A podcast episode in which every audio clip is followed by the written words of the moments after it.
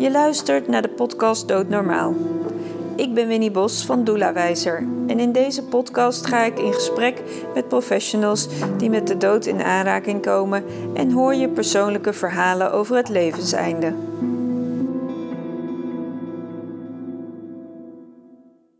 Ik zit vandaag aan tafel met Pim van Lommel. Welkom, fijn dat ik hier mag zijn. Ehm, ik heb u uitgenodigd voor deze podcastserie Doodnormaal. Um, en waar ik dan altijd nieuwsgierig naar word, uh, u zei daarop ja. Maar waar komt die ja vandaan? Omdat ik denk dat ik mogelijk een bijdrage kan leveren aan de taboe rondom de dood met de ervaring die ik heb. Met ja. bijna doodervaringen. Ja, precies. Ja, want dat is waar dat ik... Dat was ook de reden waarom je me vroeg. Ja, precies. Ja, ja, want het thema bijna doodervaringen vind ik fascinerend. Uh, en voor mij is dat mede fascinerend omdat ik een flink aantal mensen in mijn eigen omgeving heb die een bijna doodervaring hebben meegemaakt. Dus ik heb eigenlijk ook van dichtbij meegemaakt wat voor impact dat heeft. Um, en daarom vond ik het ook heel erg belangrijk dat het uh, onderwerp in deze serie aan bod komt. Uh, dus fijn dat we het erover mogen hebben. Um, nou bent u zelf uh, een wetenschapper. En als we het dan hebben over hè, het boek wat u ook geschreven heeft, Eindeloos Bewustzijn, dan is het eigenlijk de wetenschap en ja, wat is dat dan? Een, een gebied wat eigenlijk niet wetenschappelijk uh, heel duidelijk vast te leggen is. U heeft dat wel gedaan met uw onderzoek, hè, wat in de Lancet is uh, gepubliceerd. Um, maar kunt u eens uitleggen um, wat, wat een bijna doodervaring is? Voor ja, de dus bijna doodervaring noem ik altijd de gemelde herinnering aan een uh, periode van een zeer helder en bijzonder bewustzijn. Meestal optreden tijdens een kritische medische situatie. Ja. Zoals een hartstilstand, een uh, coma na verkeersongeluk of hersenbloeding of beroerte. Uh, bijna verdrinking. Ernstig bloedverlies na gecompliceerde bevalling. Mm -hmm. Maar dit soort ervaringen komen ook voor bij, zonder duidelijke directe doodsgevaar, zoals bijvoorbeeld een dreigend verkeersongeluk. Ja. Of uh, existentiële crisis, uh, ernstige depressie, meditatie, zonder duidelijke oorzaak. En het bijzondere van dit soort ervaringen is dat het een stel universele elementen bevat, die bijzonder mm -hmm. bewustzijnservaring, die over de hele wereld en alle tijden culturen zijn gemeld. Dus uh, allereerst het besef dood te zijn. Dan vaak een uitdeelingservaring, dat je van bovenaf je eigen lichaam ziet, naast een verkeerswrak of uh, tijdens een reanimatie ja. of tijdens een operatie. Onder algemene anesthesie kan je zelfs je liggen, je ziet en hoort wat er gebeurt. Uh, dan vaak een, uh, soms even verblijven in een donkere ruimte, wat sommige mensen angstig vinden. Mm -hmm. Dan kunnen ze een, wat ze beschrijven een tunnelervaring hebben, door een nauwe ruimte naar het licht. En dan komen ze een heel andere, niet-wereldse dimensie met prachtige kleuren, prachtige muziek, uh, ter waar van onvoorwaardelijke liefde en acceptatie. Meestal met een wezen van licht. Soms noemen ze het ook Jezus. Uh, het ontmoeten van overleden dierbaren. Ja. En vaak met een aanwezigheid van het wezen van licht hebben ze een terugblik op een hele leven. Vanaf een vroegste jeugd, vanaf de geboorte mm -hmm. ervaren ze alles wat, hoe ze hebben geleefd en wat de impact was van hun gedachten, woorden, daden op de anderen. Ze zijn in contact met het bewustzijn van andere mensen. Dus als je je zusje van vijf speelgoed hebt afgepakt, dan voel je het verdriet van je zusje. Ja. Dus je bent volledig in contact, verbonden met het bewustzijn van anderen in het verleden. Mm -hmm. Sommige mensen hebben toekomstbeelden, wat er in hun leven gaat gebeuren. Uh, dan kunnen ze bij een soort grens komen. Ze weten als ik die voorbij ga, dan kom ik nooit meer terug. En dan is er vaak, uh, komt er een boodschap of van het wezen van licht of van overleden dierbaren die zeggen het is je tijd nog niet, je hebt nog een taak te verrichten. En dan plotseling zijn ze weer terug in het lichaam, worden ze Ja. bewust terug, keren ze terug in dat lichaam met alle pijn en ziekte of die ze hebben dan een verkeersongeluk of een uh, hartinfarct. Wat ze vreselijk vinden. Ja. Ja, want dat is echt de, de, bijna de grootste klap van de hele bijna doodervaring. Hè? Het gaat ineens van een heel mooi uh, soort eenheidsgevoel wat ze hebben op die andere plek, wat dat dan ook mogen zijn, naar ineens weer de werkelijkheid der dingen als ze dan weer terugkomen in hun lijf. Ja. ja, en dat maakt het ook zo lastig voor, voor hun om te beschrijven aan anderen eh, en dierbaren om hen heen wat ze nou precies hebben meegemaakt. de- de- ik zeg altijd, er- er zijn geen woorden voor. Nee. Het is Engels ineffable. Dus je, je, je probeert de woorden te vinden voor een onbeschrijfelijke ervaring. Ja, precies. En eh, als je dat 20 of 30 jaar vertelt, gebruik je meestal nog steeds dezelfde woorden als in het begin. Maar het grote probleem is dat de mensen je niet luisteren, je niet geloven, het afdoen als bijwerking medicijn of hallucinatie of interessant doenerij. En eh, waardoor ze deze overweldigende ervaring eh, voor zich houden. Ja. Ja, terwijl het tegelijkertijd heel zichtbaar is dat er iets met ze is veranderd. Niet zichtbaar, maar wel voor hunzelf. Ja, ja. Ja, maar vaak hoor je ook wel van de omgeving dat zij wel merken dat diegene toch wel veranderd is. Van bijvoorbeeld voor het ongeluk tot na het ongeluk. Eh, dat verandering treedt voordat ze echt die ervaring kunnen accepteren. Wat gebeurt pas als je het kan delen met anderen. Mhm, zijn vaak perioden van depressie, mhm. eenzaamheid en eh heimweegevoelens. En dat kan jaren duren. Tot ze iemand vinden die kan luisteren. Ja, En als dat dan eenmaal gebeurt, dat ze hun eigen ervaring kunnen accepteren, dan kunnen ze het gaan integreren. En integreren betekent dat je gaat leven naar het nieuwe inzicht. En dat nieuwe inzicht is eh, onvoorwaardelijke liefde en acceptatie naar jezelf. mhm. Acceptatie van je eigen schaduwkanten. Eh, verbondenheid met iedereen anders. Elk mens, met de natuur, met elk dier, met de Ja. aarde. Ja. Eh, het innerlijk weten dat de dood niet het einde is. En verhoogt intuïtieve gevoeligheid, dat ze andere mensen aanvoelen. Wat heel overweldigend is en ook beangstigend vaak. Dus ze kunnen vast ermee omgaan als ze het ervaring zelf kunnen accepteren. Soms duurt het 30, 40, 50 jaar. Ik heb, we hebben ooit een onderzoek gedaan bij eh, ongeveer 80 mensen die een bij de doodervaring in het verleden hadden gehad. Mhm. Met een eh, interval, gemiddelde interval van 24 jaar, tussen 7 maanden en 70 jaar. En bij een gemiddelde interval van 24 jaar bleek nog steeds de helft niet in staat om over hun ervaring te praten. Dus het is een trauma. Ja, zeker. Tot ze ermee aan, Ja. wat mee kunnen gaan doen. Ja, en, het heeft dus, en de grootste essentie van het hele verhaal is dat we dus een luisterend oor missen. Ja, zonder vooroordeel, zonder commentaar kunnen luisteren is iets wat weinig mensen gegeven is. En helemaal bij artsen schijnt het een erg probleem te zijn als je die mensen hoort. Maar ook de partner. Dus 70% raakt in een echtscheiding omdat de partner zegt: Het is niet de persoon met wie ik ooit getrouwd ben. Het is Ja. een ander iemand geworden. Ja, Dus je verliest een hoop vrienden, je verliest je partner, je verliest familieleden. Maar je krijgt er wel weer andere mensen voor terug. Maar, Ja. maar het is een. eh, het is, eh, de erva- ervaring, inhoud is mooi, maar de gevolgen zijn traumatisch vaak. Het is dus een spiritueel trauma. Eh, u zei al hè, in, in welke omstandigheden het eigenlijk voorkomt. Ehm, eh, ik heb zelf in mijn eigen omgeving mensen meegemaakt die bij een geboorte van een kind, bij inderdaad een hartoperatie, wat u al zei, en bij een auto-ongeluk het hebben meegemaakt. En wat mij altijd zo opviel aan die mensen, eh, ik, heb ze niet, ik kende ze niet op het moment dat zij dat ongeluk hadden of eh, die operatie. Eh, maar zij kwamen op enig moment in mijn leven. En wat ik altijd zo kon zien. ehm, en ik hou niet zo van te zeggen zij en wij. Maar toch, ik doe dat maar even om het onderscheid helder te maken. Is dat je zo kunt zien dat zij anders in het leven staan. Ze zijn veel empathischer. Eh, het doet er eigenlijk niet zoveel toe wat ze hebben. Eh, bezit, eh, dat maakt ze eigenlijk niet zo heel erg veel meer uit. Maar in contact met mensen zijn zij echt ongelooflijk verbindend. En liefdevol en vol met aandacht. En nou, wat u zegt, het luisterend oor, wat zij eigenlijk nodig hebben van een ander, die geven zij juist heel erg aan de andere mens. Hm. En dat vond ik altijd zo fascinerend om te ervaren. En twee van die eh, mensen, die heb ik meegemaakt in mijn eigen werk toen ik uitvaartverzorger was. En het was echt zo te zien hoe het verschil was, hoe zij hun werk deden en hoe dat in contact was met nabestaanden en hoe dat was bij andere collega's.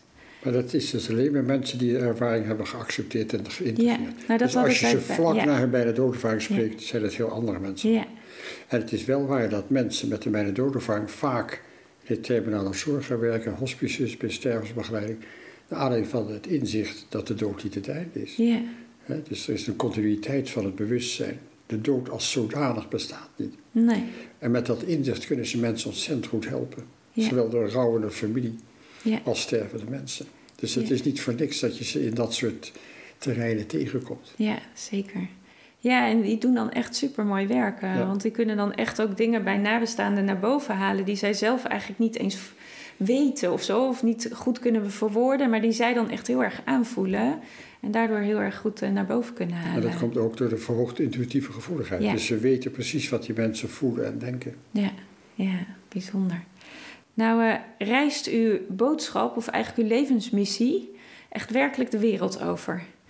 Eh, u vertelde net al even in het voorgesprek, er komt een Russische editie van uw boek uit. Het is er al, maar ik heb het ja, nog niet in handen. ja, eindeloos bewustzijn. In 2020 is het uitgekomen, hè? In Rusland eh, dit jaar, 21. Dit jaar. China is vorig jaar, Oké, 2020. ja. En eh, we- ze liggen hier voor de luisteraars hier op tafel, terwijl ik met meneer Van Lomme aan, aan- in gesprek ben.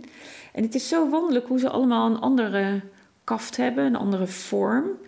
Ehm, dat intrigeert me altijd. Wat, wat, wat, maakt, eh, wat maakt dat die kaft er komt? Kunt u daar iets over vertellen? Dat beslist de uitgever.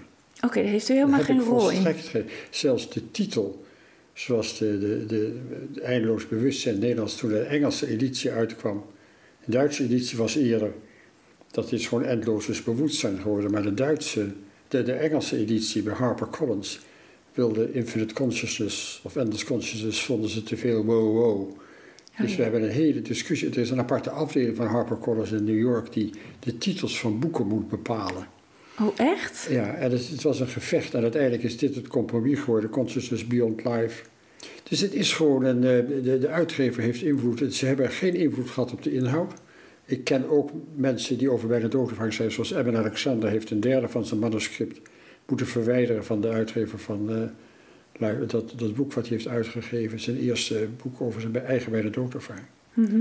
Dus ik heb nooit mijn inhoud laten beïnvloeden, maar de titel was eh, in Engeland of Amerika dus een beetje een gevecht. Maar verder heeft bijna ieder, de Fransen hebben mort ou pas, dood of niet.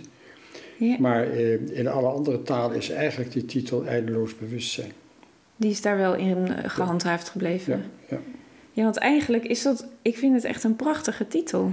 ja de, de eindeloos heeft twee betekenissen. De eindeloos is zonder begin en zonder einde. Ja. Maar eindeloos is ook dat het zo prachtig is. Ja, precies. En daarom heb ik het ook gekozen, eindeloos. Dat heb Ja. je. Dus sommige mensen zeggen wel eh, onbegrensd bewustzijn, maar dat is het niet. Het is eindeloos. Nee. Het is ook onbegrensd, maar eindeloos heeft die dubbele betekenis. En Ja. dat, vind je- dat heb je niet altijd ook in het buitenlands, hoor, in het andere talen. Nee, nee. Nee, want wat ik er zo mooi aan vind, want eigenlijk gaat een bijna doodervaring gewoon over een bewustzijnservaring. Ja, het, het gaat over een veranderde staat van bewustzijn. Ja, En, en op basis van het onderzoek naar bijna doodervaring kun je dus aangeven dat de dood, trouwens net als geboorte, slechts een veranderde staat van bewustzijn is. ja precies. Dus ja. de, de dood van het lichaam eh, noemen wij de dood, maar het bewustzijn zal niet sterven. Nee. Er is altijd een continuïteit van bewustzijn. Het is Ja. er altijd, zal er altijd geweest zijn. Eh, is er ook altijd. Dus het heeft begin en geen einde. En het heeft, is ook tijdloos. Het is ook mensen Ja. met een bijna doodervaring die alles kunnen opnieuw ervaren van wat in het verleden is gebeurd en ook toekomst ervaren.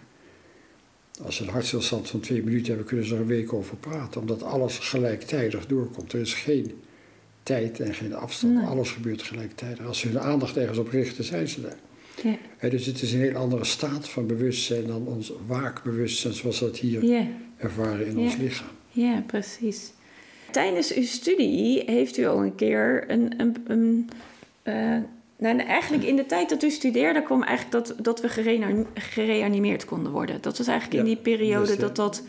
De eh, reanimatie is in Nederland mogelijk sinds 1967. ja, ja, Dus voor die tijd ging iedereen was dood. defibrillatie, stroomstoot en uitwendige hartmassage niet Ja. mogelijk. Onder andere Nederlanders hebben bijgedragen aan die eh, artikelen daarover.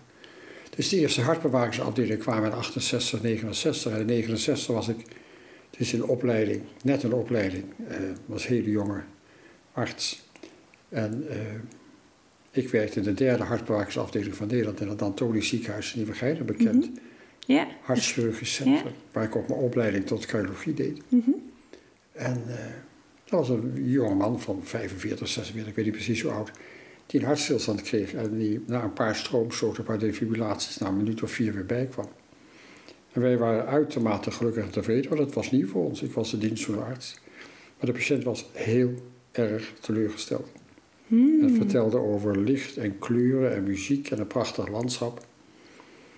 Ik zeg al, ik ben het nooit vergeten. Ik heb er nooit wat mee gedaan. Maar de hele term bijna doodervaring bestond niet. Die is pas door Raymond Moody in 1975 Ja. in zijn boek Life After Life, Leven na het leven, Ja. heeft hij dat voor het eerst gebruikt. Dat boek heb ik, had ik ook nooit gelezen. Tot ik in eh 86 een boek las van George Ritchie, Terugkeer uit de dood. Return from Tomorrow. En George Ritchie had als medisch student in 1943 overleed hij aan een dubbele longontsteking. Mhm. Daar waren geen antibiotica voor hem. Nee. En ehm, hij zijn lichaam werd toegedekt met een laken. En de verpleegkundige was zo opstandig dat deze jonge medisch student was overleden, dat hij de dienstdoende arts wist te overreden om hem een injectie adrenaline rechtstreeks in zijn hart te geven, wat volstrekt ongebruikelijk was. Mhm. Maar na negen minuten kwam George Ritchie weer bij, dankzij die injectie in zijn hart. Ik kon eerst zijn lichaam niet terugvinden. Hij zag het toevallig zijn hand met zijn fraternity ring, dus zijn studentenring, Ja. zag hij en toen wist hij dat hij onder dat laken moest zijn. Maar hij heeft een zeer uitgebreide bijna doodervaring gehad. eh, die hij prachtig beschrijft. Je leest het boek in één avond uit. Eh, alle aspecten, ook negatieve of angstaspecten, angstervaringen. eh, uitgebreide uitredingservaringen tot ver weg van waar hij zijn lichaam lag. Uiteindelijk is hij als hospik in 1944 in Norm- Normandië geland. Daar is hij in verschillende concentratiekampen als eerste binnengekomen. Eh, waar hij heel goed mensen heeft kunnen helpen. Mhm. En een van zijn meest indringende ervaringen beschrijft hij in het Pools concentratiekamp, waar alle mensen waren gestorven of stervend waren. Maar er was één Poolse man die Engels en Duits sprak, die functioneerde als tolk en die zocht of er nog familieleden waren van de mensen die nog levend waren. En die liep daar actief en fit rond. Dus hij vroeg, God, ben je nou een paar dagen? Dus hij zei, nee, ik ben hier vier jaar. Hmm. En, eh, en toen vertelde hij dat in Warschau was zijn hele familie uit huis gehaald en voor zijn ogen waren vrouw en kinderen doodgeschoten. En toen had hij kunnen kiezen tussen ik ga haten of ik ga liefhebben. En hij koos voor liefhebben.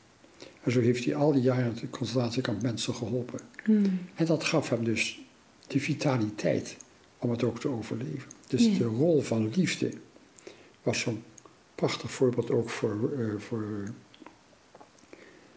eh, anderen. Hoe belangrijk dat is. Ja. En wat de mensen met de beide doodervaring ons ook vertellen. ja, precies. Dat dat eigenlijk is waar het leven over gaat. Ja, Liefde. Dus, eh, liefde voor jezelf. Accepteren wie je bent. Accepteer je eigen schaduwkanten. Dat Ja. is niet eenvoudig altijd. Nee, dat is zeker niet eenvoudig. Maar ook accepteren alle aspecten van een ander. Ja. Eh, en van de natuur van de aarde. Want je, we zijn allemaal één, we zijn Ja. allemaal verbonden. Dat is wat, eigenlijk hun boodschap. Ja, want dat is wat ze daar ook zien, hè? Als ze dan in, in die bijna doodervaring zijn, dat alles eigenlijk één is en dat er helemaal geen ver- ver- eh, onderscheid is of verscheidenheid. Het is een andere naam voor bijna doodervaring, is een ervaring van eenheid. Ja, Het, het is gewoon alles is één. En dat gevoel nemen ze terug met die verhoogde intuïtieve gevoeligheid. Ze voelen anderen aan. ja, dus ze zijn veel helderder in het aanvoelen van anderen dan de meeste andere mensen. ja. ja ik vind het echt super bijzonder hoe, hoe, ehm, nou ja, hoe dit eigenlijk door u aan het licht is gekomen. Waarin Nou, gewoon. Niet door mij. Nou ja, u, u heeft in, ieder geval een rol in Nederland. Ja, u heeft ja, er in ieder geval een rol. Ja, ja, ook, eh, ja, ik wou net ons zeggen. onderzoek, wat in de Lancet is gepubliceerd in 2001, is nog steeds het grootste Ja, onderzoek. wetenschappelijke prospectieve studie naar Ja. doodervaring. Met 344 patiënten Ja, die een hartstilstand hebben overleefd. En dat wordt, het is door eh, nou, ruim 900 keer geciteerd in wetenschappelijke peer-review tijdschriften. Ja. Dus het is een van de basisartikelen over bijna doodervaring langzamerhand geworden. Ja. ja, ja. Had u ooit kunnen denken dat het deze kant op zou gaan eh, Dat na uw eerste ervaring? eh, Volstrekt niet. nee. Nee, dus toen ik het boek had gelezen van George Ritchie, ben ik Ja. uit nieuwsgierigheid gaan, gaan vragen aan mensen die een hartstilstand hadden overleefd. of ze iets konden herinneren van de periode van hartstilstand. Dat is ook de enige vraag. Dus had ik in twee jaar tijd bij 50% patiënten 12 verhalen van een bijna doodervaring. Ja. En dat was het moment eh, van mijn wetenschappelijke nieuwsgierigheid. Wat ik altijd, altijd had geleerd. Ja. Dat het onmogelijk is om een bewustzijn te ervaren als je hart stilstaat. Ja, Als je geen ja. ademhaling hebt, geen circulatie, geen hartslag, Ja. dan, ben- noemen we klinisch dood. Mhm. Eh, en als je niet reanimeert binnen vijf of tien minuten, zullen de hersencellen onherstelbaar beschadigd zijn, dan zal je definitief overlijden. Mhm. Maar in de periode van klinisch dood is nog een stukje reversibiliteit. De eerste vijf tot tien minuten kan je mensen terughalen. Maar als je zijn, de hele lichaam is uitgevallen, de hersenfunctie is uitgevallen, de hersenreflexen, dus eh, ze zijn bewusteloos. Het is geen ademhaling, het, hersen, het ademhalingscentrum is vlak bij de hersenstam. De hersenstamreflexen zijn weg. De, de slikreflex, je kan iemand gewoon een vinger in de keel steken. De corneareflex, Ja. dichtstijve pupillen. En ook de reflexen van de, eh, lich- de, de schors, hersenschors. Dus de reflexen van het lichaam. Ja, Die zijn ja. helemaal slap. Je bent klinisch dood.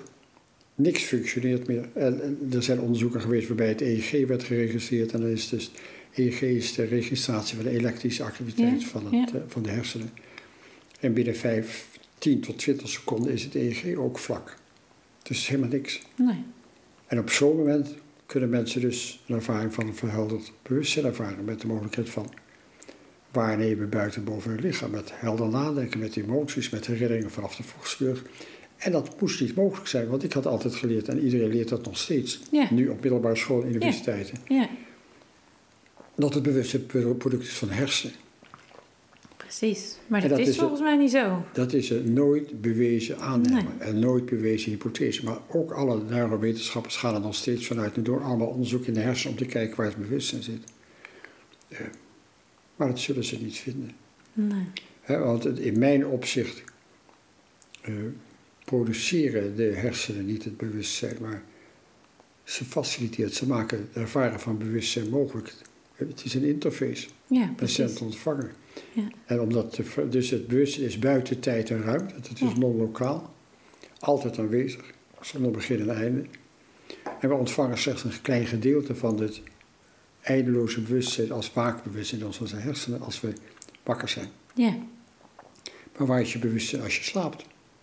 Of als je algemene anesthesie hebt, dan, dan is het er wel, maar je ervaart het niet in je lichaam. En, en de hersenen hebben dus een interfacefunctie om het te vergelijken. Ik zeg altijd, op dit moment staan er een paar honderdduizend telefoongesprekken door ons heen en door de buur heen. Mhm. Maar je hebt een instrument nodig om het aan te zetten, om Ja. zo'n gesprek te ontvangen. Ja. Maar al die elektromagnetische informatiegolven gaan door ons heen. Er zijn 1 miljard websites hier in deze kamer, door de muren heen en door ons heen. En je hebt een functionerende laptop of computer nodig om die websites te kunnen ontvangen. Ja. Ja. Maar als je je laptop uitzet, Dan komt er niks YouTube binnen. is er nog steeds. Ja, ja, ja. En alle televisieprogramma's, als je televisieapparaat uitzet, zijn die uitzendingen er nog steeds. Je kan dan een ander apparaat weer om aan te zetten, dan ontvang je het weer. Dus eh, je hebt een functionerende interface nodig. Dat zijn de hersenen als we wakker zijn. Ja. Eh, maar als de hersenen zijn uitgevallen, dan blijkt je dus in dat verruimde bewustzijn te kunnen komen. Zeg maar in, het, in de websites, in het internet, in de iCloud te komen. Ja. Ja. En dan is alles dus mogelijk. Ja.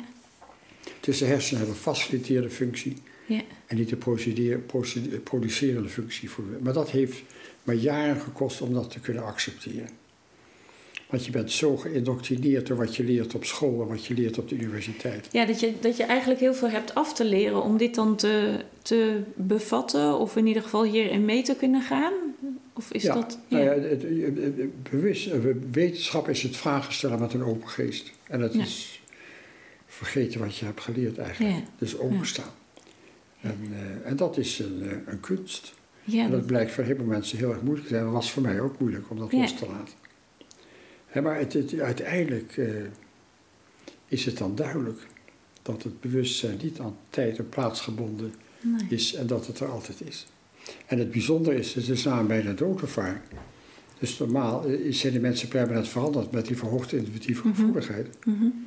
En eh, ze ontvangen niet alleen kanaal 1, maar ook kanaal 2, 3, 4 en 5 bewustzijn van andere mensen. Ze weten Ja. wat er in hen omgaat. En ze Ja. voelen of ze ziek zijn. En ze weten dat iemand gaat overlijden. Ze hebben toekomstbeelden, eh, voorspellende dromen. Dus hun, hun filterfunctie of interfacefunctie is permanent verbeterd, zeg maar. Ja, die is naar een enorm En hoog niveau getild. Eh, ja, ja. ja. En ze zijn er allemaal van overtuigd door hun ervaring dat de dood niet het einde is. Ja. Hè, de, de- het houdt niet op met de dood. Dat is een innerlijk weten voor ze. Ja. En hoe kijkt u zelf aan tegen de dood? Want u bent al op leeftijd. Uh...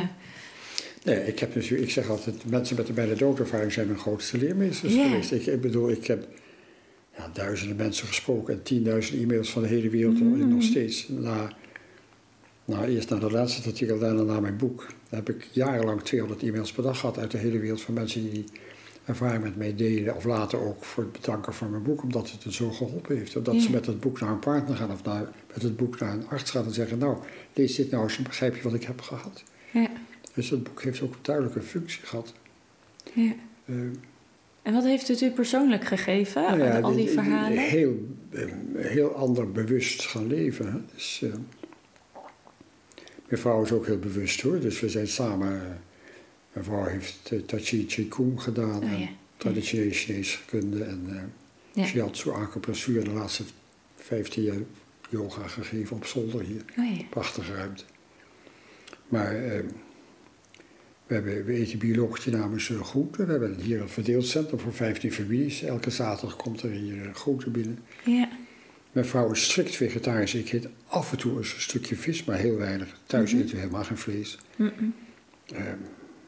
We genieten van de natuur, we genieten van de tuin, we zijn veel buiten. We houden van stilte. Ja.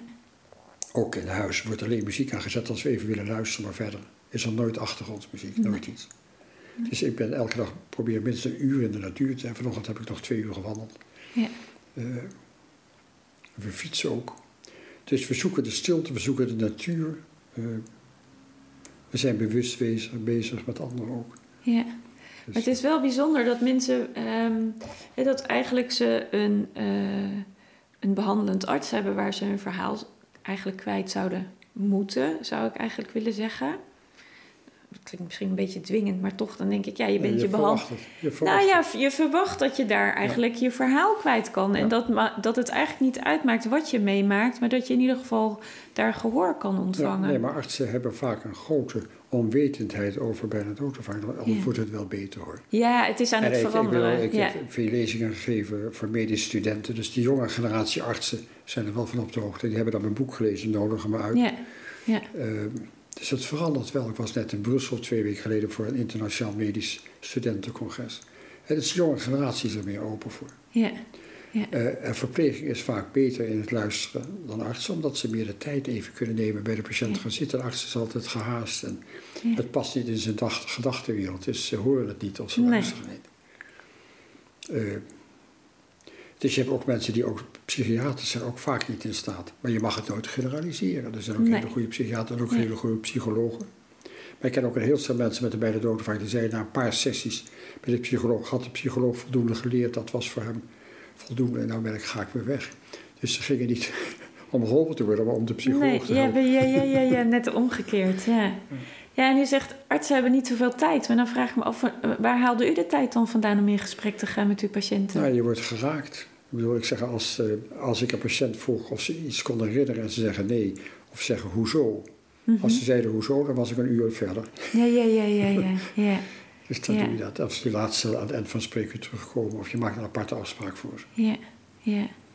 En, en, wat, en wat voor vragen krijgt u, of wat voor verhalen krijgt u zo allemaal toegestuurd? Wat, zijn het echt de uitgebreide verhalen wat mensen echt niet kwijt kunnen? Of krijgt u ook vragen gesteld? Tot ik krijg ook vragen gesteld.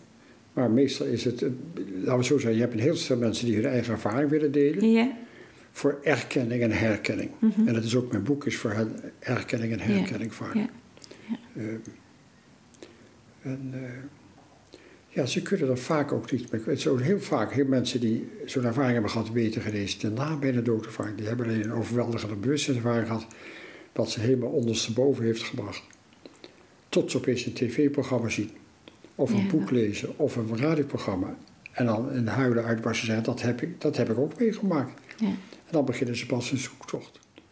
Want een heleboel mensen zijn nog niet op de hoogte van de bijna doodgevaar. Nee. Nou, nogmaals, ook dat wordt beter. Ja, het is aan het veranderen. Want het wordt tegenwoordig ook wel naar beide dood. Hè? Het zijn eigenlijk beide termen. Ja, het heet naar beide doodervaring. En uh, dat is betere term. Maar ik ben zo gewend bijna doodervaring te zeggen dat ik het blijf zeggen. Maar uh, naar beide doodervaring is bezig. Near-death experience is vertaald als bijna dood. Maar bijna dood bestaat eigenlijk niet. Wel naar beide dood. Dus naar beide dood is beter. Ja, snap ik. En, uh, maar het gaat om hetzelfde. Dus dat nieuwe boek. Wat uitgegeven is door de stichting daarbij de doodervaring. Daar staat alleen maar nabij de doodervaring. Ook mijn uh, artikel. Het Nou ja, ik kan me ook voorstellen dat mensen misschien ook wel in, in de terminologie zich... de een misschien zich beter voelt bij nabij dan, dan de bijna doodervaring. Ja, ik denk dat op een duur wel nabij de doodervaring wordt. Ja. Eh, omdat het denk ik wel helderder is. Ja. Maar je hebt zoveel andere ervaringen van een verruimd bewustzijn. Dus in de stervensfase, de terminale fase, mensen met sterfvisioen of levenseindervaringen, waarbij ze ook Hebben ze eh, ook contact, met hun... hebben met, Ja. met overleden dierbaren, Ja. overleden ouders of partners, Ja. overleden kinderen, eh, prachtige landschappen zien. Ja. Er is een onderzoek van een vrouw uit eh, Zwitserland, uit St. Gallen, die werkt op een palliatieve afdeling. En die naast psychotherapeut ook muziektherapeut is en zelf bijna doodervaring heeft gehad. Die komt elke dag bij die mensen, maakt muziek met ze. En die schrijft dat 95% van de terminale mensen zo'n ervaring hebben. Maar het vaak niet kunnen verwoorden of dat er, het niet goed wordt geïnterpreteerd. Dus Nee. het is een heel hoog percentage. Het- Ook nog steeds wordt dat geïnterpreteerd als hallucinatie of terminale verwardheid of bijwerking Ja. medicijnen. Ja. Je hebt ook de terminale helderheid of paradoxale helderheid. Dat mensen die een eindstadium hebben van eh, Alzheimer al jaren niemand meer herkennen, vaak ook niet aanspreekbaar zijn. Vlak voor een dood opeens helder worden, Ja. rechtop in bed gaan zitten, Ja. iedereen bij naam noemen, bedanken en sterven. Ja. Terwijl als je dan bij obductie naar de hersenen kijkt, is er niks van over. Dat is een beetje pap geworden. Dus eh, dat kan ook niet. Dan kan het bewustzijn niet van de hersenen eh, uitkomen. Nee. Nee. Je hebt eh, de gedeelde doodservaring. Op het moment dat iemand sterft, dat je soms ook de hele kamer licht ziet worden. Of vaak ook soms een essentie van de mensen uit het hoofd, Het hoofd ziet stijgen. Ja, precies. Soms ook met die mensen wordt meegenomen Ja. door de tunnel naar het licht. Ja. En soms zelfs de levensterugblik zien van die persoon die overleden. En dan opeens staan ze weer naast het bed van de net overleden persoon. Ook dat kan natuurlijk niet, want de mensen is volledig Nee, gezond. nee, want dan, de, ja, de mens is al weg. Dus hoe En kan- dan het laatste is de postmortale ervaring of after-death communication. Dat je in contact bent met het bewustzijn van overleden dierbaren. Eh, 125 miljoen mensen in Europa hebben dat. Ongeveer 2 miljoen mensen in Nederland. Maar niemand praat erover. Dus eh, meestal gebeurt het tijdens slaap, omdat je dan meer toegankelijk bent. Laten we zeggen, degene die overleden is, kan Ja. makkelijker toegang Ja, ja, krijgen. Als je slaapt, dan is de drempel lager. Ja. Eh, dus ze praten er niet over, of althans heel weinig. Maar als je in contact staat, dat bewustzijn van overleden dierbaren, soms ook informatie krijgt die niet bekend kan zijn. Eh, soms voelen, soms horen, soms zien. Eh, dat is voor die mensen die dat meemaken een overtuigend bewijs dat het bewustzijn nog steeds daar is. Precies. Ja. Dus al die combinatie, de beide doodervaringen, of nabij de doodervaringen, de levenseindervaringen, de gedeelde doodservaringen en de postmortale ervaringen, de na de dood, Mhm. contact met overleden. Dat allemaal bij elkaar past in het beeld dat het bewustzijn nooit verdwijnt. Nou. Bij definitie kan het bewustzijn nooit verdwijnen. Het bewustzijn is er altijd. Bewustzijn is, ik zou het bijna zeggen, fundamenteel in het universum. Het begon met bewustzijn en informatie. En daar is de materie uit voorgekomen. Ja, precies. Want we Maar zijn hier echt om, tenminste dat is hoe ik er in ieder geval geloof, we zijn hier echt met een boodschap gekomen om hier een ervaring op te doen. Ja. Of, of om een ja, nou ja, les te leren, dat klinkt zo, maar echt om een ervaring op te Ja. doen. Ja, we mogen leren. Ja, Maar het, probleem dus voor de meeste wetenschappers is, de, voor de meeste, wat ik de materialistische wetenschappers, is Mhm. datgene is waar wat je kan objectiveren, ja, wat je kan bewijzen, wat je kan reproduceren of falsificeren. ja, Dan is het waar. ja. Maar bewustzijn, wat jij voelt en denkt, kan je niet bewijzen, niet aantonen, Tonen. niet objectiveren, niet reproduceren. Dus bewustzijn valt volledig buiten de huidige Ja. materialistische wetenschap. En dat is het probleem. Maar op zich is het helemaal iets, niet iets nieuws. Want als je kijkt naar de Oosterse wijsheden, eh, het boeddhisme, noem, noem al die oude kennis, zeg maar, die we hebben. Ja, maar het is altijd geweten. ja, Dus eh, voor de huidige tijd geldt dat de, bewust, de wetenschap uitgebreid moet worden, expanding science, ja. Naar een postmaterialistische wetenschap. mhm. Maar de kennis, het inzicht, het weten is er altijd geweest. Boeddhisme, Upanishad, Het is niks nieuws. Gnostisch christendom, de. Kabbalah, alle indigenous people, dus de aboriginals, de Indianen, in. Afrika, Zuid-Amerika.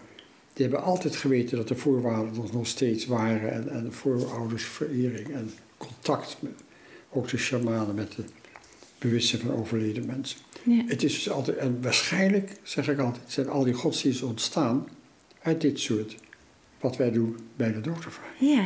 ja. Dat is de oorsprong geweest van alle, van alle godsdiensten. En alleen de godsdiensten zijn door de mens veranderd vaak, met name in het christendom, door een machtscentrum.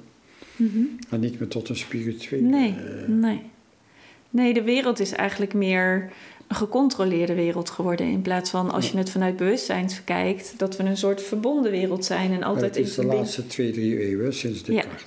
Ja, Daarvoor was het veel meer, maar speelde de kerk ook een belangrijke rol. ja, De kerk hield de wetenschap weer tegen. ja, precies. Dus ja. het, is, ja. het is aan het veranderen en ik ben heel positief. Er zijn ook veel boeken, ook voor, speciaal voor academici, voor artsen, ook in Amerika. ja. Er wordt steeds meer aan gedaan. Bij- Bijscholing artsen, bijscholing verpleegkundigen. Bijscholing hospice mensen. Ja.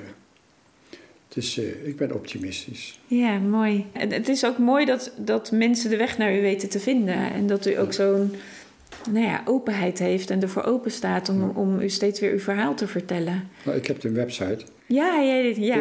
Ja, ja. En dan heb je dus interviews, tv-programma's, Ja, ik eh, heb hem bekeken. artikelen, wetenschappelijke artikelen die je zo kan downloaden. En dat is nog niet eens alles volgens mij wat er is, want er is volgens mij nog veel meer dan dat er op uw website staat. Ja, ook links en van alles naar belangrijk. Dus je kan eh, er van alles mee. Ja. Ja, fijn. Mensen weten de weg naar u te vinden. Maar stel nou dat er iemand nu luistert die een ervaring heeft meegemaakt en die heel veel herkenning hoort in het verhaal eh, wat wij nu met elkaar delen. Ehm, wat, wat zou je diegene mee kunnen geven? Behalve dan Ik- dat, dat we weten dat diegene een luisterend oor heeft. Maar ja, Ja, ik zeg altijd, probeer allereerst maar eens voor jezelf op te schrijven. Dus het opschrijven helpt om de ervaring in woorden te vatten. Dat is al een heel belangrijke start. Eh, probeer iemand te vinden met wie je het kan delen. En ze mogen het ook altijd met mij eh, opsturen per e-mail. Dan kan Ja. ik altijd nog, nog eens eh, op antwoorden. maar opschrijven is volgens mij al best een klus, hè? Ja, maar dat is dus het begin van de verwerking. Het begin van het acceptatie, dat je probeert woorden te vinden. Dus ik adviseer altijd mensen die de vraag hebben, wat moet ik ermee? Zeg ik, begin maar eens, probeer maar woorden te vinden. Dat helpt gewoon. Ja, en, en dan kom je vaak ook op een punt, tenminste dat heb ik in ieder geval gehoord van de mensen eh, die ik dan ken om me heen. Soms is het gewoon echt letterlijk niet in woorden te vangen. Het lukt ze uiteindelijk allemaal. Ja, ja, ja, ja. ja. Maar ze zeggen wel altijd, maar het was anders. Ja, ja. Het is eh, meer werkelijk dan werkelijkheid, zoals we die kennen. En More real dan real. En als ze terugkomen zeggen ze, de fysieke wereld is eerder een illusie dan de werkelijkheid. ja. Dus het is een heel ander soort werkelijkheid die ze hebben ervaren. Maar ehm, het in woorden vatten helpt, Mhm. maar ze zeggen altijd bij, het is toch iets anders. Het is hetzelfde als met Dante Divina Commedia. Die zegt ook uiteindelijk uit die hoogste regionen, het is me niet gegeven om dat in woorden te vatten. Hmm. En dat geldt voor, dit, eh, voor deze mensen ook. Maar je moet wel een poging doen om het te verwerken en Ja. om het te kunnen delen met anderen. Ja, want als je nagaat dat er in Nederland zo'n, volgens mij is het in Europa alleen al iets van 20 miljoen mensen of zo die Ja, dit in Nederland zo'n 600.000. Ja, precies. Dus het, is echt een, het gaat echt om aanzienlijke aantallen. En Ja. dat zijn, en misschien zijn het er zelfs nog wel meer. Ja, maar niet iedereen meldt zich. Nee, precies. En, maar het zijn op basis van statistieken dat ongeveer 4 tot 5 procent van de mensen in de westerse wereld zo'n bijna doodervaring moet hebben gehad. Dan kom je op ja. zo'n 20 miljoen. Maar er is recent in Australië een onderzoek geweest waar ze zeggen 9 procent. Dan zou het nog veel meer zijn. Meer zijn. Ja. Ik ben altijd wat voorzichtig in de getallen door, maar ik denk dat meer zouden kunnen zijn dan 20.000, 20 miljoen. Nou ja, het geeft natuurlijk iets aan over de hoeveelheid die het, eh, waarin het plaatsvindt. eh, Ja. Waardoor mensen gewoon een beeld krijgen van het, het is niet niks waar we het over hebben. Eh, en het feit dat mensen dit voor zich houden, wat, eh, wat, wat ook gewoon een, denk ik, het proces, een leerproces in hun leven is, dat ze het een ja, eh, jaren voor zich moeten houden of bij zich houden. Om daarin ook, denk ik, het onderzoek in zichzelf te doen. Maar wat is dit dan eigenlijk? En waar gaat dit over? Ja. En wie ben ik in dit geheel? En wat wil ik hiermee? Of wil ik hier iets mee? Ja, meestal moeten ze er wel iets mee, want er komt ook vaak een gave uit, toch? Als ze zo'n bijna doodervaring Nou hebben ja, gehad. dat is die verhoogde intuïtieve gevoeligheid. Ja, En inderdaad, de uiterlijkheid wordt minder belangrijk, geld wordt minder belangrijk. Eh, Een groot huis, dure auto wordt minder belangrijk. Jong lijf, mooie kleren worden minder belangrijk. nee. En dat is ook een reden waarom de mensen echt scheiding hebben. Want ze zeggen, ja, hij is opeens niet meer geïnteresseerd in geld. nee. Dat is een probleem. Maar ik ben ook overtuigd dat hoe meer mensen naar buiten treden met een bijna doodervaring, en dat met andere delen, onze maatschappij ook Veranderd. verbetert. Zeker. Hè, dus de, de angst voor de dood is nog steeds dat de mensen dat denken dat met de dood alles ophoudt, wat ik vroeger als jonge ook dacht. Maar als je denkt dat het bewustzijn doorgaat, dan sta je anders in het leven. Dan ga je andere dingen belangrijk vinden. Dan gaat het niet meer om uiterlijkheden. Dan gaat het hoe ga ik met mezelf en met anderen om? Hoe ga ik met de natuur om? Hoe ga ik met de aarde om? Ja, dan ga je veel bewuster over dingen nadenken en Dan ga je veel andere eten, keuzes maken. Anders Ja. leven, anders met het klimaat omgaan, Ja. al dat soort dingen. Het zou zo mooi zijn als meer van deze mensen inderdaad zichzelf kenbaar maken, omdat het de wereld zoveel mooier kan maken met de ervaringen die zij hebben gehad. Want ze hebben echt iets bij te dragen. Ja, nee, ik zeg dat je kan alleen de wereld veranderen door je eigen bewustzijn te veranderen. Ja, ja, En je eigen bewustzijn veranderen, daar kunnen mensen met een bijna doodervaring bij helpen. zeker. Je kunt mensen niet dwingen om dit te doen, want dat, dat- er komt een tijd waarin zij voelen dat ze de openheid en, en, en het delen aan willen gaan met Nou, ze anderen. moeten dat trauma overwinnen. Ja, precies. En dat is En een nou, klus. nogmaals, het is aanvankelijk een spiritueel trauma. U geeft ook lezingen. Ja. En ik neem aan dat daar, of tenminste, dat weet ik niet, daar, dat daar mensen naartoe komen die allemaal zo'n ervaring hebben gehad. Of zijn dat mensen Ook. die nieuwsgierig zijn? Of, Ook, er komt van alles. Ik bedoel, de meeste mensen met een ervaring, familieleden van mensen met een ervaring, therapeuten, eh, hospice-medewerkers, verpleegkundigen, ook wel artsen, vakken waar je zit. Het is altijd uitverkocht, in Nederland ook. blijft een fascinerend. vier, Ja, eh, ja. eh, Duitsland tot 800 mensen, Frankrijk één keer 2000 mensen. Er is een grote belangstelling voor. ja. En, het zijn allemaal druppeltjes op de plaat, maar het helpt Ja. elkaar wel. Maar waar denkt u dat dan toch die fascinatie van al die mensen vandaan komt dat ze bij uw lezing aanwezig willen zijn? Omdat ze zelf iets hebben meegemaakt, Mhm. of iemand kennen die iets hebben meegemaakt. En dat ze toch aan het twijfelen is gebracht. En dan zeggen, dan wil ik het wel eens verder horen. Toch nieuwsgierig zijn Ja, naar. ja. Waar, waar- ja, ik heb dan wel een verhaal gehoord, maar Ja. van iemand die dan toch meer kennis heeft dan alleen dat Ja, verhaal van die precies. ene. Ja. Ja, in, in lezingen geef ik altijd mijn wetenschappelijk verhaal van een uur. En daarna Ja. komt iemand met een bijna doodervaring. Ja. Die altijd zo'n 20 minuten vertelt. Dus het is de combinatie van de wetenschappelijke benadering en de eigen ervaring. En dan Ja. de discussie komt alles bij elkaar. Ja, mooi. En komen daar dan ook voor u nog wel steeds eens verrassende dingen naar boven? Nou, de meeste vragen ken ik langzamerhand. Ja, dat kan ik me Ik heb voorstellen. honderden, honderden, honderden lezingen over Ja. de hele wereld Ja. gegeven. Dus de meeste vragen ken ik wel. Maar dat is niet zo belangrijk. Het, eh, de emotionaliteit achter de vragen vaak is ook belangrijk. Ja, en ik denk ook wel eh, dat bij mensen die het misschien niet hebben meegemaakt, of iemand die in een omgeving hebben gehad waarin, eh, die dat heeft meegemaakt, waarin dan bij hun ook het kwartje valt en dat zij durven te erkennen: oh, maar dit is dus. Dit is geen, dit is geen fabeltje, dit is geen nee, maar dat zeg ik het. hè. Dus dat Ja. zijn lezingen belangrijk, maar ook mijn boek speelt ook Ja. een belangrijke rol. Hè, dat ze mensen mijn boek geven aan zo iemand die het toch niet gelooft. Of naar de website verwijzen, of naar een lezing verwijzen. En dan, eh, Ja, ja. mooi. Maar de mensen moeten wel willen. Ja, zeker. En er zijn ja. veel mensen die niks willen. En het Nee. niet willen weten. En eh, Nee. bij de oude ideeën blijven. En, en, en dat is dus volgens mij ook de angst, maar ook voor wetenschappers om een wereldbeeld te verliezen. Want het wereldbeeld is het ja. materialistische wereldbeeld, Ja, de fysieke wereld, alles is. Maar wat ik wel bijzonder vind, is dat u in deze toch wel wetenschappelijke wereld ervoor gekozen heeft om dit onderwerp wel bij de, bij de oren te pakken en te zeggen: "Hey, dit, dit, dit maakt mij zo nieuwsgierig, ik wil Ja, dit, ik wil ik dit was- uitzoeken. Het was wetenschappelijke nieuwsgierigheid en ik was emotioneel geraakt door die mensen. Dus er moest meer zijn. Dus de vraag was voor mij, daarom hebben we het onderzoek gestart. Kunnen we verklaren wat de oorzaak en wat de inhoud van zo'n bijna doodervaring Ja, kan zijn? Ja, maar, Dus dat was een ja. wetenschappelijke vraag. ja, maar ik vind het zo, eh, het zo mooi, hè? want ik, ik bedoel, ik kom zelf niet zoveel gelukkig in het ziekenhuis, want eh, ik ben goed van gezondheid. Maar dat is ook altijd wel waar het bij mij, zeg maar, met artsen misgaat. Dat ik denk, ja, ik ben niet alleen mijn hart, maar ik ben, ik ben een geheel. En als er iets in mijn hart mis is, dan is er iets in mijn hele zijnskwaliteit wat, waar ergens iets schuurt. Ehm, maar dat is altijd heel lastig in de huidige gezondheidszorg om op die manier met een arts een gesprek aan te Ja, gaan. je kan het nooit generaliseren. Nee, Maar de, als de mensen met een klacht komen, heeft dat een oorzaak. ja. En dat hoeft niet het orgaan te zijn. Nee, precies. Ja, de, ja, en dat kan heel erg met, je, nou ja, met hoe heel je energie door je lichaam heen stroomt te maken hebben. bij een cardioloog komen vaak mensen ook met angst voor het hart. Die moet je dan geruststellen. Ja. Dus, eh, En dat is ook een rol van de arts dan. En hoe, hoe denkt u dat, eh, of, of ziet u al dat in de opleidingen van de artsen de opleiding echt aan het veranderen is, dat ze dit stukje meenemen? Nou ja, wat ik zei, medische studenten. Maar Ja. ik heb ook een landelijke organisatie voor eh co-assistenten. Ja. Dat was 1200 co-assistenten. Dat zijn de mensen die klinische fases lopen. Hadden ze me uitgenodigd. eh, physician assistant, dat zijn de gespecialiseerde verpleegkundigen. Ook 1200 man heb ik een lezing voor gegeven op hun verzoek. Dus het leeft wel. En ik heb ook lezingen gegeven voor artsen, voor ziekenhuizen, hospices. Maar ook voor de voor cardiologie, voor oudergeneeskunde, voor kindergeneeskunde. Ja. Dus eh, er zijn wel verzoeken en vragen. Ja. Maar er zijn ook een hoop mensen die heel sceptisch nog blijven of kritisch zijn. En dan schiet er me ineens nog een vraag te binnen. Is er een verschil tussen als een kind een bijna doodervaring meemaakt of een volwassene? Nou, de- onder de leeftijd van zes jaar Ja. herinneren ze meestal niet de inhoud. Oké.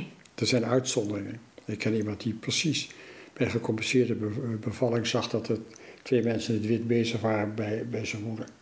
Hij kwam naar een lezing en zijn moeder bevestigde, het was inmiddels een man van 45, zijn moeder Mhm. was veel zijn moeder bevestigde wat hij had gezien. Maar normaliter onthoud je niet de inhoud van de Mhm. ervaring, maar je hebt de transformatie. Dat betekent dat zijn mensen, kinderen, met een verhoogde gevoeligheid.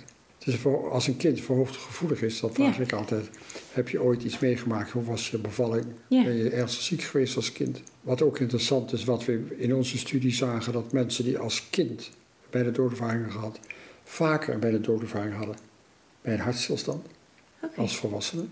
Dus die waren al een keer eruit geweest. Maar ook vrouwen die seksueel misbruikt zijn, ook vaak dan uit hun lichaam gaan, hadden ook vaak als volwassenen vaker bij de doodervaring. Dus die band tussen het lichaam en het bewustzijn was al losser geworden. Ja. Ja. Verder is een on- onderzoek bij, dus de hartstilstandpatiënten, gemiddelde leeftijd van 62 jaar was de 18% had er bijna doodervaring, maar de mensen die jonger dan 60 waren, hadden ook vaker bijna doodervaring. Dus Hmm. jong. En er is één onderzoek bij kinderen die eh, of bijna verdronken of coma hadden, of verkeersongeluk Hmm. of, of hersenvliesontsteking. Dan was het percentage 70% bijna doodervaring. En de retrospectieve studies, dus achteraf het verhaal horen van mensen Ja. tussen de 30 en 40 jaar met verkeersongelukken, verdrinking enzovoort, is het percentage 30 tot 40 procent. Hoe ouder je wordt, hoe minder hoog, hoe minder frequent de BDE wordt ervaren. Dus als je jong bent, is de verbinding tussen lichaam en Ja. bewustzijn veel losser. Ja. En de loop van je leven wordt die steeds Steeds strakker. Ja. En iedereen die sterft, zal een doodservaring hebben. Mhm. Maar bij een reanimatie met een hartstilstand word je binnen 5 tot 10 minuten binnengehaald. En dan hebben 18% van de mensen zo'n ervaring. Sommige mensen hebben misschien een half uur of een uur nodig om die doodservaring mee te maken. We weten uit, zoals die postportale ervaringen, contact met overledenen, Ja. Dat iedereen natuurlijk uiteindelijk een doodservaring heeft. Zeker. Ja, daar kunnen we Maar niet dat duurt omheen. op oude leeftijd wat langer. Bijzonder. Nou ja, dat is gewoon een, een, een, mogelijkheid. Dat is geen bewijs voor, maar het is waarschijnlijk zo. Ja, maar er zit dus wel een, een, dat onder de zes jaar is dat, dat ze het dus op een andere manier zich herinneren, behalve dan dat ze voelen dat ze. Meestal het niet herinneren, Nee. op uitzonderingen na. Ja, Maar ze zijn allemaal anders. Uiterst gevoelig, eh, hypersensitief, vaak een beetje ADHD of autisme gedrag, omdat ze of te veel reageren of te weinig reageren, Ja. omdat ze het afsluiten. sluiten, ja. ja. Vaak zijn het hele intelligente kinderen ook. Dus het is, het is een ander soort kind. Ik blijf het een fascinerend verhaal vinden. Ik, eh, het boek Eindeloos Bewustzijn kwam ergens in de beginperiode dat ik in de uitvaartwereld kwam te werken op mijn pad. Eh, toen had ik nog niet de collega's eh, die dit mee hadden gemaakt. En ik werd echt geraakt door wat daarin geschreven werd, omdat ik los van dat ik zelf geen bijna doodervaring eh, heb gehad, maar op de een of andere manier wel heel veel herkenning in die bewustzijnservaringen die mensen eh, daar beschreven eh, had. Zoiets dacht, oh ja, maar dat heb ik altijd geweten. Er is gewoon veel meer dan dat wij zeggen, zien, voelen of kunnen beschrijven. De- die, die wereld die zij beschrijft, die vond, daar kon ik me heel erg in herkennen. Wat ik heel raar vind, want ik denk, ja, maar ik heb geen bijna doodervaring gehad. Maar Niet dat je weet. Nee, niet dat ik weet. Hoe is je nee. geboorte geweest? Is je gecompenseerd geweest of niet? Nee, dat weet ik niet. Weet nee, je niet? Heb nee, je dat dat- ooit gevraagd? Ja, ik kan het mijn moeder niet meer vragen, want ze leeft niet meer. Maar ni- niet dat ik weet. Nee. Het enige wat ik ooit een keer heb gehad, is dat ik. eh, ik heb een jaar in Amerika gewoond. Ehm, en daar heb ik uiteindelijk een reis gemaakt naar Pennsylvania, waar we whitewater rafting noemden ze dat. Dus dan ging je Ja. zo'n rapid, zeg Ja. maar, eh, ging je water. eh, Hoe oud was je toen? ik was 21. Oh, maar, het is, maar je was al op je 60 geïnteresseerd in Ja, de dood. precies. Ja, en daar ben ik wel tegen een andere boot aangeknald. In de rapid. En daar zijn wij met de boot, zeg maar, de, Omgeslagen. omgeslagen. En wat ik me kan herinneren is dat ik onder die boot heb gezeten en dat ik naar boven keek en dat ik die boot dus zag. En dat ik eh, dacht, ik kom nooit meer boven. En op dat moment dat ik dacht, ik kom nooit meer boven, kwam er een soort film van alle mensen die ik kende in mijn leven kwamen voorbij. En die heb ik allemaal gedag gezegd. En bij het moment dat ik gedag zei, ploepte ik uit het water omhoog. En zag ik mijn vriendin, die ook in dat bootje zat, zo tegen een rots aanknallen. Dat heet dan een fear death of een doodsangstervaring. Dus het gevoel dat je doodgaat, dat is ook bij een dreigend verkeersongeluk. Als je op het Tweebansweg eh, en er komt een vrachtauto op je af. Of eh ervaringen in de, de bergsport. Het eerste boek over bij de doodervaring van de haai met 1896 was... Hij had het zelf ook mee. Dus het stortte in de diepte in een berg. En dan, moment dat je valt, denken: dit is, mijn, dit is het einde, maar dan alleen met een gebroken been eruit komt. Maar die hebben dan ook vaak dit soort ervaringen. Dat heet een Ah, doodsangstervaring. een doodsangstervaring. Ah, ja. Ja, dat is- Maar de vraag is of je als kind gecompenseerde bevoer, eh, geboorte hebt gehad, of dat je als kind ernstige ziekte hebt gehad, of coma, of hersenontsteking, of hoge koorts, Mhm. weet ik wat. Mhm. Dat kan een oorzaak zijn. Dat kunnen allemaal momenten zijn waarop een... ja, eh, en dan herinner je het je niet. Ben je ook verhoogd intuïtief gevoelig? Zeker. Nou ja, dat, dat kan er ook bij passen. Dus het Ja. zou kunnen, maar je kan dat niet bewijzen. Nee, en tegelijkertijd denk ik is het belangrijk om te weten... ik weet dat ik heel sensitief ben en heel Ja. erg gevoelig. En dat ik inderdaad... eh, en dat is denk ik ook waarom ik me zo herken in mensen met een bijna Ik denk dat doodervaring. denk dat dat zo is. Ja, dat, dat die gevoeligheid en het voelen, aanvoelen van anderen, zeg maar... die herken ik wel heel erg Maar eh, was je puberteit makkelijk of moeilijk? moeilijk. Ja, want vaak met die verhoogde gevoeligheid heb je de puberteit vaak ernstige depressies. Ja, het was een hele moeilijke jeugd. Omdat ik Ja. werd gepest op school. Ja, ik werd dat eh, is, was je eenzaam op school? heel erg... En keek je hoe andere kinderen speelden? Zat je er zelf buiten? Ja, ik stond er altijd buiten. Het past bij het beeld van bij de doodervaring op jeugdige leeftijd. Ja, dus eh, het hele verhaal zoals je het vertelt zou dat best kunnen. En vaak zijn die kinderen dan eenzaam, alleen, houden van de natuur, houden van stilte, houden van klassieke muziek. ja, Kunnen niet goed met andere kinderen spelen, worden gepest. ja. Eh, En worden vaak tussen de 14e en 16e ernstig depressief. Zelden zelfs suicidaal. Omdat ze niet gekend, zich niet gekend voelen Ja. en weten. Nou, dat, in die omschrijving herken ik me wel. Niet, ge- Ja. eh, niet gekend en herkend worden. Precies. Dat, eh, ja, Ja, precies. Zeker. Dus het zou kunnen, maar je, Ja. je, je kan het niet bewijzen. Nee. En uit het feit dat je gefascineerd bent over de dood en dat je gefascineerd bent bij de doodervaring, kan dat ook een rol in spelen. Dus Kan wat dan een een rol spelen? dat je dat hebt meegemaakt. Ja, ik, ik, ik heb er niet zo goed een verklaring voor. Behalve dat ik het weet dat het vanaf mijn zevende is, eh, Nou ja, is gestart. Ja, Ja. ja. En ik, ja, soms... le- eh, ik heb op een gegeven moment wel een, een hele zoektocht wel gedaan in mijn leven. Of zo- zoals mensen die mij kennen zeggen, een onderzoekende tocht. Ehm, en op een gegeven moment ben ik daar ook maar mee gestopt en heb gedacht van dit is wat het is. En Ja, eh, laat dus ik, zo is het ook. ja, en laten we wat moois van. Ja, precies. Daar begint het mee. En dan kan Ja. er heel veel gaan stromen. Ja, ja precies. Ja, zeker. En dat geldt denk ik ook voor de mensen die een bijna doodervaring hebben meegemaakt. Zodra zij de weg vinden naar dat, dat het er is, dat ze het hebben meegemaakt en dat ze het kunnen verwoorden, eh, gaat Dat er ook voor bestaat, hun een be- dat en dat het bestaat. Dat ze niet de enige zijn. En dat ze niet gek zijn. Dat en, niet dat, gek zijn. Nee, en dat er niks er aan ze worden nog mankeert. steeds mensen naar een psychiater gestuurd met een bijna Ja. doodervaring. Het is nog steeds, gaat het af en toe mis. Maar ze zijn, eh, het is gewoon een normale menselijke ervaring die ze hebben. Of nou, normaal, een menselijke ervaring die ze hebben meegemaakt op Van een zeer, zeer bijzonder, bijzondere. helder bewustzijn. Precies, ja. Lijkt me een mooie afronding. Oké, Dank u wel. graag gedaan. Je hebt geluisterd naar de podcast Doodnormaal. Mijn missie is om het levenseinde doodnormaal te maken. Iedere vrijdag staat er een nieuwe podcast voor je klaar. Volgende week spreek ik met Yvonne van der Pijl over culturele diversiteit rondom dood en sterven.